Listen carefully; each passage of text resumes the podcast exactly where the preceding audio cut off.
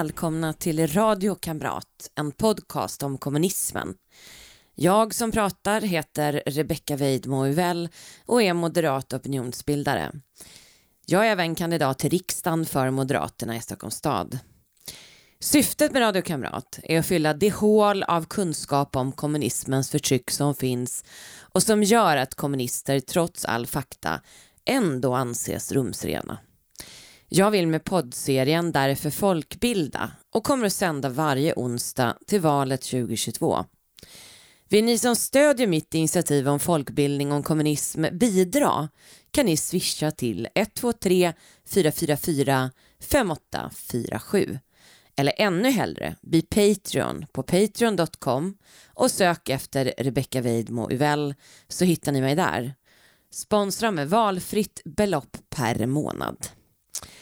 Maos eftermäle, förutom dagens kommunistiska Kina, de är många.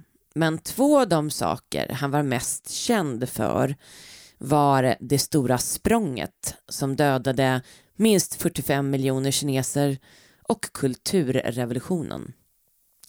I det här avsnittet så djupdyker jag lite mer än i avsnitt två då jag gick igenom Maos hela historia. Och jag börjar med kulturrevolutionen.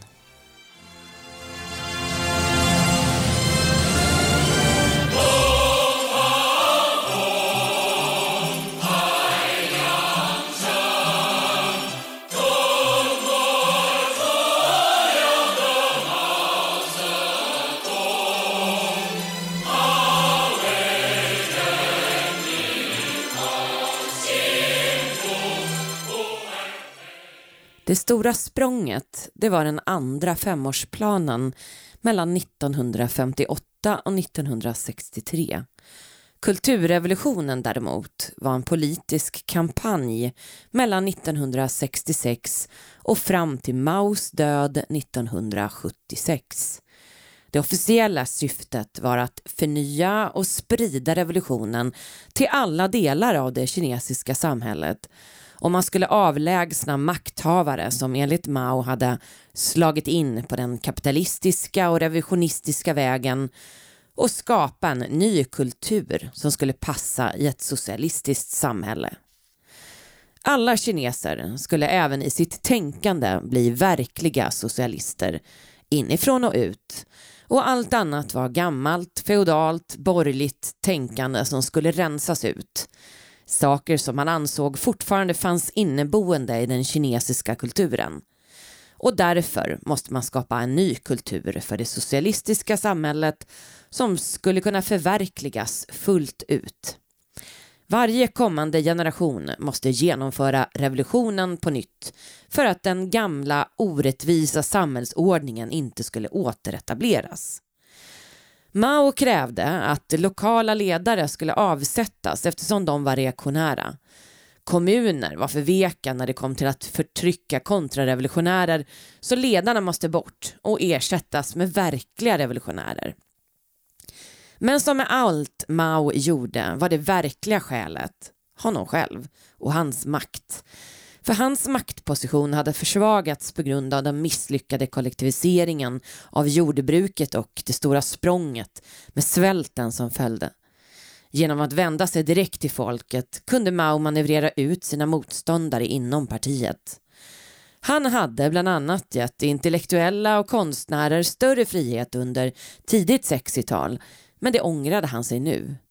Deng Xiaoping var en av dem som hade fått framträdande positioner i staten och i partiet efter det stora språnget. I samband med kulturrevolutionen föll han i onåd och berövades sina poster och försattes i husarrest i flera år med sin fru. Men han fick sin revansch efter Maos död och valdes till Kinas ledare 1978. Mer om honom i ett annat avsnitt. En annan orsak till kulturrevolutionen var brytningen med Sovjet som skedde tidigt 1960-tal. Startskottet för kulturrevolutionen var en opera, Wuhan, skrivit och som anklagades av partiet vara kontrarevolutionär 1965. Så här står det i ett cirkulär från Kinas kommunistiska partis centralkommitté den 16 maj 1966. Hela partiet måste följa kamrat Mao Zedongs instruktioner, hålla den proletära kulturrevolutionens stora fana högt, grundligt avslöja den reaktionära borgerliga hållningen hos de så kallade akademiska auktoriteter som motsätter sig partiet och socialismen, grundligt kritisera och tillbakavisa alla reaktionära borgerliga idéer inom det akademiska arbetet, undervisningen, journalistiken, litteraturen, konsten och förlagsverksamheten och gripa ledningen inom dessa kulturella områden. För att uppnå detta måste man samtidigt också kritisera och tillbakavisa de representanter för bourgeoisen som har smugit sig in i partiet, i regeringen, i armén och kulturens alla områden och rensa ut dem eller överföra en del av dem till andra poster. Framförallt får vi inte anförtro uppgiften att leda kulturrevolutionen åt dessa människor. Faktiskt har många av dem ägnat sig åt och ägnar sig fortfarande åt sådana uppgifter och den saken är synnerligen farlig.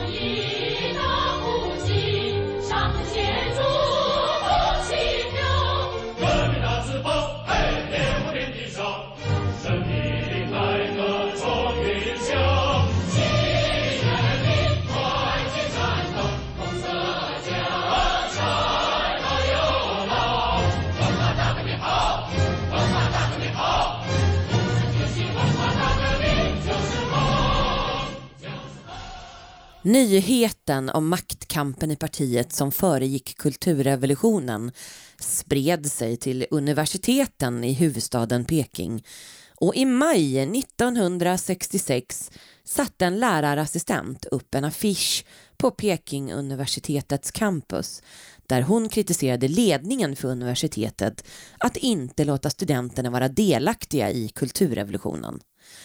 Detta blev ett slags eh, startskott för en maoistisk studentrörelse som spred sig till olika studentgrupper även på gymnasiet.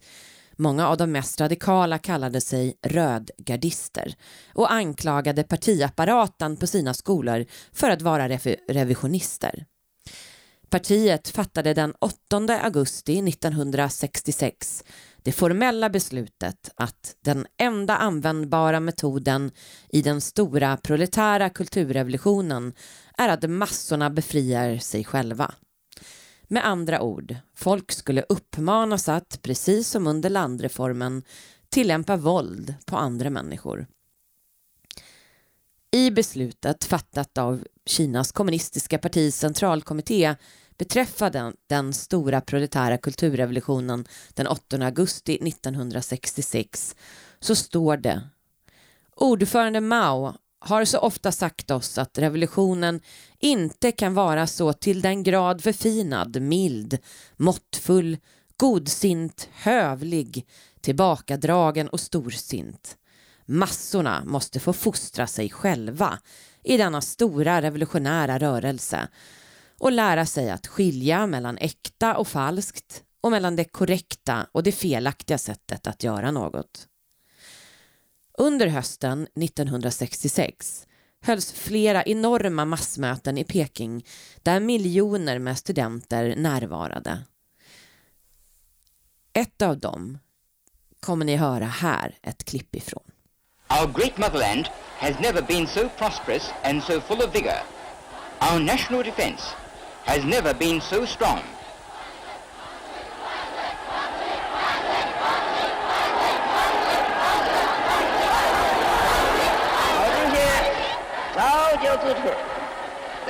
Chairman Mao long ago pointed out that the class struggle between the proletariat and the bourgeoisie and the struggle between the roads of socialism and capitalism exist throughout the historical period of socialism.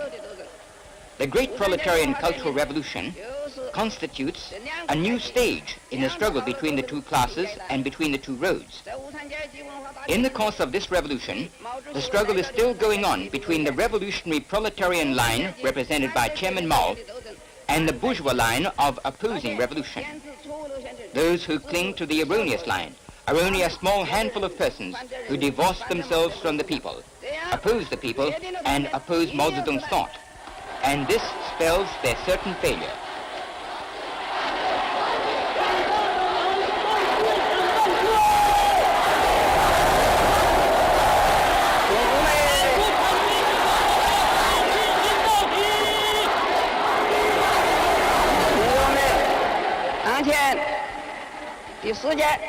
Comrades and friends, at present, an excellent situation prevails in the world. The great upheavals of the past few years in the world show that the days of imperialism headed by the United States, modern revisionism, and all reaction are numbered.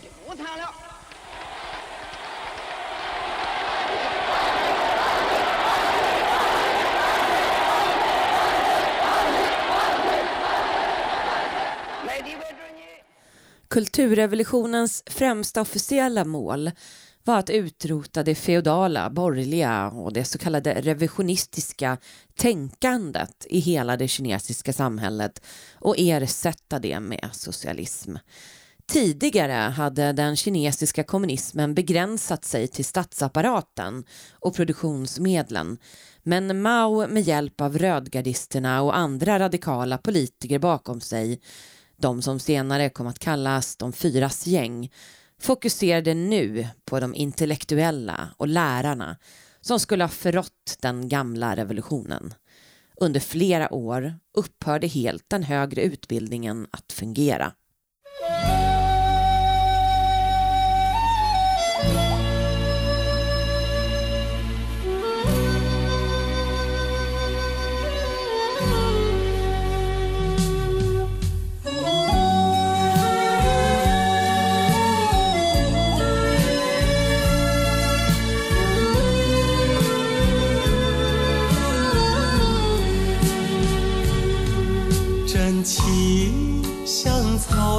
广阔，层层风雨不能阻隔，总有云开日出时候，万丈阳光。Enligt Mao hade borgarna infiltrerat staten och samhället med målet att återinföra kapitalismen och insisterade på att revisionisterna skulle avlägsnas med en våldsam klasskamp. Röda brigaderna bestående av mestadels studenter och intellektuella samt arbetare i städerna etablerade rebellgrupper runt om i landet som med våld tog makten från partisterna lokalt och etablerade revolutionära kommittéer runt om i landet 1967. Det var under den här tiden boken Maos lilla röda trycktes och spreds och som innehöll citat från Mao. I propagandan användes Maos gudalika status för att hetsa befolkningen mot varandra och mot de som kritiserat honom inom partiet. I boken finns citat från Mao som sagt. Några exempel är varje kommunist måste fånga sanningen. Den politiska makten växer ur, ett, ur en gevärskolv. Alla reaktionärer är papperstigrar. De framstår som skräckinjagande men i verkligheten är de inte det. En revolution är ingen middagsbjudning eller skrivande av en essä eller målandet av en tavla eller broderande. En revolution är ett uppror, ett uttryck av våld när en klass störtar en annan. Politik är krig utan blodspillan medan krig är politik med blodspillan. Krig kan bara utplånas med krig och för att bli av med geväret är det nödvändigt att ta upp geväret. Vi ska stödja det våra fiender är emot och vara emot det våra fiender stödjer.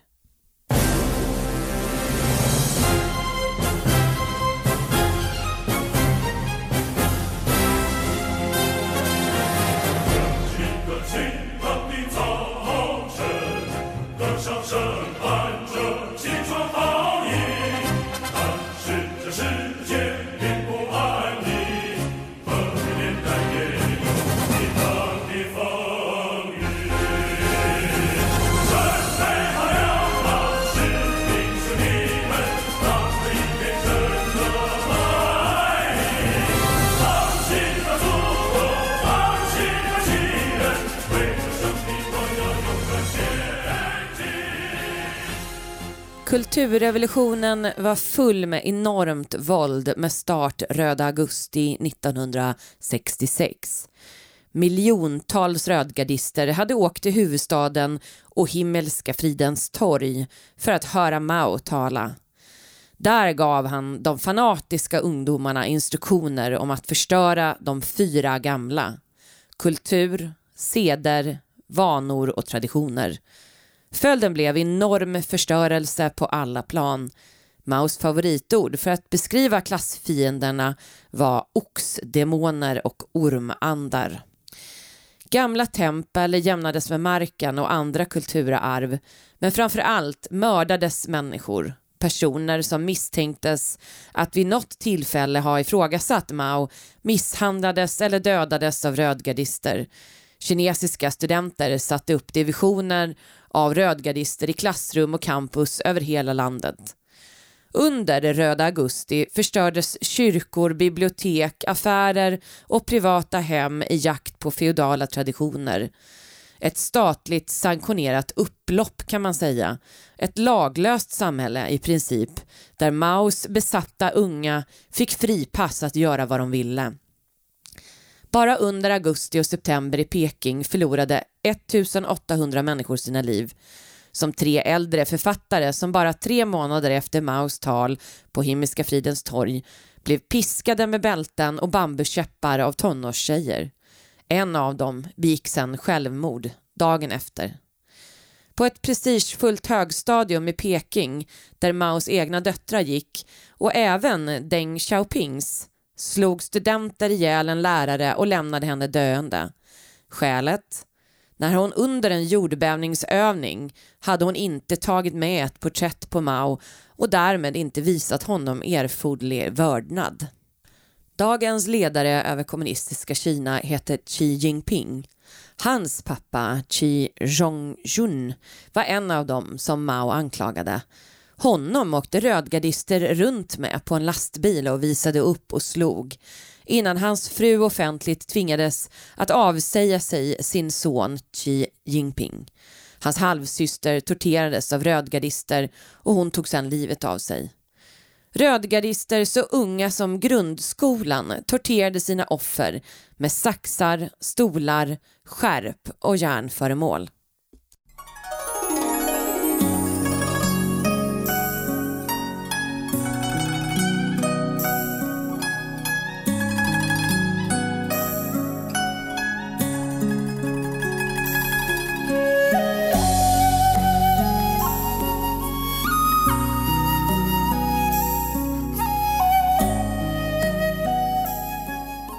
Redan i slutet av 1968 såg Mao att våldet eskalerat bortom kontroll. I ett försök att mildra effekterna skickade han ut de unga på landsbygden. Alla rödgardister fick gratis resor och logi för att sprida kulturrevolutionen över landet. Dagens kinesiska ledare var en av dem, Xi Jinping. Totalt skickades 16 miljoner unga ut på landsbygden av Mao från städerna. Gäng av studenter och rödgardister attackerade människor som bar borgerliga kläder på stan. Imperialistskyltar revs ner och intellektuella och partister förföljdes och antingen mördades eller drevs till självmord. Som Guangxi-massakern där uppskattningsvis 100 till 150 000 döda. Folk blev halshuggna, slagna till döds, levande begravna stenades, dränktes, kokades och styckades levande. I ett dokumenterat fall fick en person en dynamit fastsatt på ryggen och sprängdes levande bara för att det var kul. I ett annat fall blev en lärare ihjälslagen av studenter och sen bars kroppen till en flod där en annan lärare under pistolhot tvingades att ta ut hans hjärta och lever som studenterna sen grillade på skolan och åt upp. Enligt dokument utsmugglade till USA på 80-talet blev minst 137, ja kanske hundratals dödade och uppätna av andra i Guangxi. I den gamla handelsstaden Wuxuan i södra Kina blev fler än 70 klassfiender först slaktade på klippblock innan deras hjärtan tillagades med lokala kryddor inför festliga banketter som ordnades för de lokala ledarna. I Dao blev tusentals avrättade genom att de skickades över klippor. Män, kvinnor, barn, alla störtade de ner mot sin död. Rädslan var att om du dödade de vuxna skulle barnen komma tillbaka och hämnas när de var vuxna, så det var bättre att mörda hela familjen. I ett fall begravdes en mormor med sitt barnbarn levande.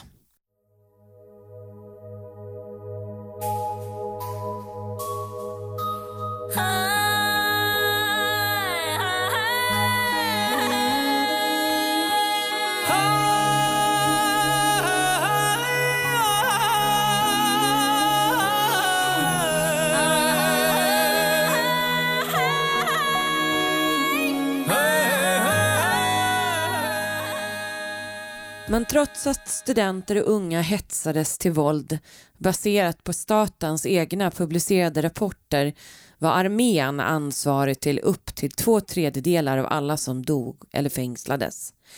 För redan efter ett halvår var våldet så utbrett att det började likna ett inbördeskrig då militären försökte kontrollera anarkin som uppstått.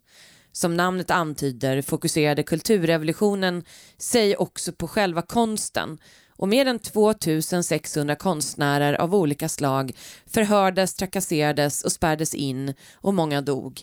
Bara några få utövare av konstarter, inklusive författare, fick tillåtelse sen att utöva sitt yrke.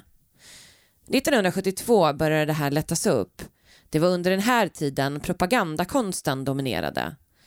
Detta skedde parallellt med att Pol Pot i Kambodja som utbildats av Maos parti formerade sina liknande tankar i bergen och djungeln i den delen av Kambodja som vetter mot Vietnam och han planerade sin revolution. Den vanligaste siffran är att minst en och en halv miljoner människor mördades i kulturrevolutionen och miljontals andra fängslades, torterades och sattes i läger men enligt en artikel i New York Times citeras en rapport av Song Yong-ji så kan siffran vara så hög som 8 miljoner. Den kinesiska staten har heller inte själva på riktigt sammanställt offentligt allt man vet. Enorma mängder kineser påverkades dock och ekonomin blev också lidande av att landet var i en slags statligt sanktionerat kaos mellan 1966 och ända till Maos död 1976. Det är många kinesiska familjer som än idag lider av konsekvenserna av kulturrevolutionen. Staten har aldrig fullt ut gjort upp med terrorn som skedde under kulturrevolutionen eftersom kommunisterna fortfarande styr landet med järnhand. Även om man medger att det var fel väg att gå och att många människor dog i onödan.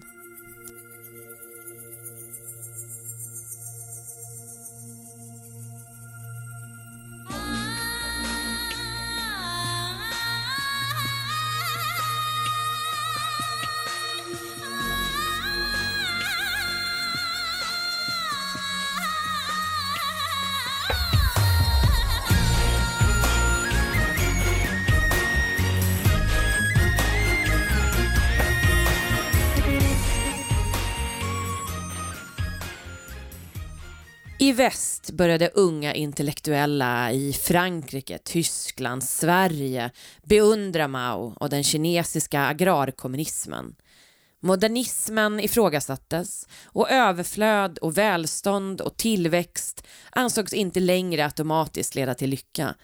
För många, för många, skrämmande många faktiskt, unga personer i västländerna så framstod den kinesiska modellen som genomförbar för att de tittade på håll och inte behövde genomlida den själv. Den kinesiska socialismen blev en förebild och ledaren Maos globala prestige och varumärke ökade i samband med kulturrevolutionen. Kanske också för att han återaktiverade revolutionens glöd som sett utifrån alltid tyvärr haft en magisk attraktionskraft på vänstern. Den kinesiska kommunismen kom också att stå för en ny slags politik. En som inte bara handlade om makt utan om allt i livet. Om att initiera en demokratisk revolution även i vardagslivet. En äkthet, autenticitet och självförverkligande som var i centrum och en vidgad syn på politisk frihet. Genomslaget i väst för kulturrevolutionens ideal fick förvånansvärt starkt genomslag i väst och det beror bland annat på att kultur blev en legitim plats för revolutionär kamp. Studenter organiserade politisk verksamhet på arbetsplatser men ansåg samtidigt att förutsättningen för segern för socialismen var en omfattande förändring av borgarnas seder och värderingar. I Frankrike började studenter först efter majhändelserna 1968 på allvar attraheras av maoismen. Man motiverade det med att inte fastna i den ortodoxa marxismens tvångströja att Mao var en sann visionär och tänkare. Studenter i Frankrike, men även andra länder inklusive Sverige, började göra pilgrimsresor till Kina och kom tillbaka och vittnade om befolkningens målmedvetenhet. De berättade översvallande om maoismens fantastiska väg till socialism och 700 miljoner kinesers obestridliga entusiasm. Maoism blev chic inne och storheter som Jean-Paul Sartre blev ansvarig för flera franska maoistiska tidningar och Michel Foucault knöt till sig maoister till sin fakultet. Huey P. Newston och Bobby Seale som grundade Svarta pantrarna var maoister. John Lennon sa 1971 att han var maoist. Rolling Stones konsert i Paris var maoismens triumf när Mick Jagger sjöng Sympathy for the Devil. Please allow me to introduce myself. I'm a man of wealth and taste. I've been around for a long, long year. Stole many a man's soul of faith. I was around when Jesus Christ had his moment of doubt and pain. Made damn sure the pilot washed his hands and sealed his face. Den 24 september 1970 så avbröt Rolling Stones sin konsert i Palais des Sports i Paris för att bjuda in den franska maoisten Serge Julie på, på scenen. Det blev stående ovationer när de spelade Sympathy for the Devil. John Lennon tog samtidigt ungefär avstånd från låten Revolution som Beatles släppte 1968 och han bar vid tillfället en Mao-knapp. Det är egentligen förbluffande hur en kulturelit, en medieelit, gång på gång visar sig stå på fel sida historien. You better free your mind instead. But if you go carrying pictures of Chairman Mao, you ain't gonna make it with anyone anyhow.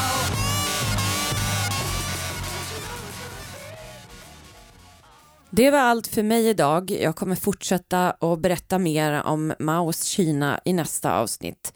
Tack för att ni lyssnat. Glöm inte att prenumerera på podden så får du alla avsnitt automatiskt.